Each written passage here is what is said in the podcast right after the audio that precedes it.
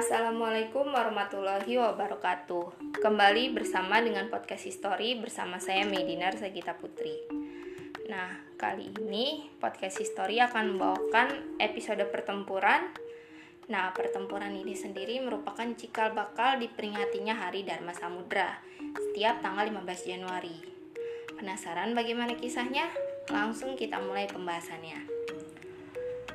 Pertempuran Laut Aru adalah peristiwa yang terjadi pada 15 Januari 1962 di sekitar Laut Aru, Maluku. Nah, insiden ini melibatkan dua negara yang tengah memperebutkan wilayah Irian Barat pada saat itu, yaitu Indonesia dan Belanda. Insiden ini terjadi ketika pihak Belanda yang pada saat itu diwakili oleh alat-alat perangnya yaitu HM Karel Dorman, kapal induk Belanda, dua kapal tempur serta pesawat Neptune menyerang tiga kapal Indonesia, yaitu KRI Macan Tutul 650, KRI Macan Kumbang 653, dan KRI Harimau 654 yang tengah berlayar pada posisi 4,49 derajat lintang selatan dan 135,2 bujur timur. Nah, pada Hamin 3 hari pelaksanaan operasi, seluruh kapal Angkatan Laut Indonesia telah merapat di sekitar wilayah di Pulau Aru. Nah, pasukan-pasukan yang sudah diturunkan dari pesawat Auri, pesawat Hercules Auri, juga sudah diangkut oleh kapal menuju pulau tersebut. Di sisi lain, pesawat intai Belanda juga sudah mulai melayang-layang mengintai kapal-kapal angkatan laut RI tersebut.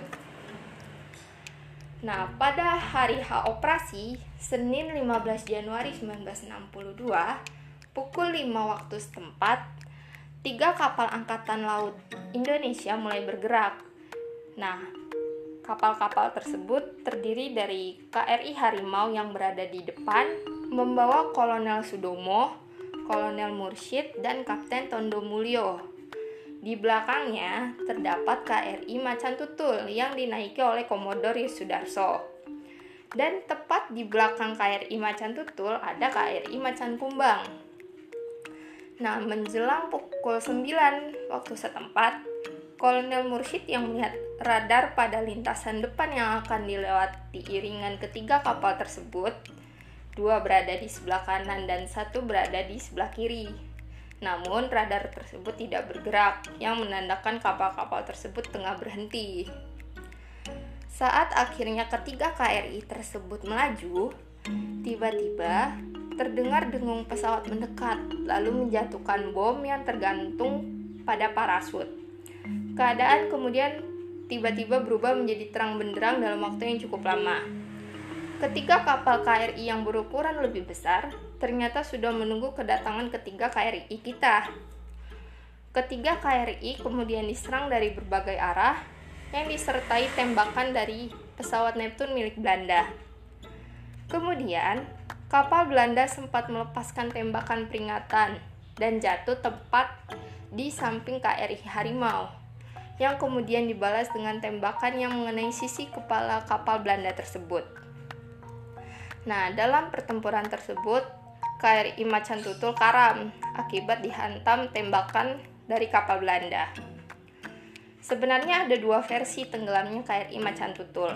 Versi pertama, KRI Macan Tutul mengalami kemacetan di sekitar kemudi, sehingga menyebabkan KRI Macan Tutul berbelok, berbelok 180 derajat ke kanan namun Belanda menyangka bahwa KRI Macan Tutul tengah melakukan manuver untuk menghalang serangan Belanda tersebut. Dan Belanda akhirnya memusatkan serangan ke arah KRI Macan Tutul. Nah, versi kedua, KRI Macan Tutul memang melakukan manuver untuk menghalau serangan Belanda untuk melindungi kedua KRI lainnya. Hal ini dibuktikan dengan perintah terakhir yang diucapkan oleh Komodoro Sudarso, yaitu kobarkan semangat pertempuran. Namun sayang, KRI Macan Tutul beserta Komodor Yosudarso akhirnya karam dan Komodor Yosudarso pun gugur bersama KRI Macan Tutul.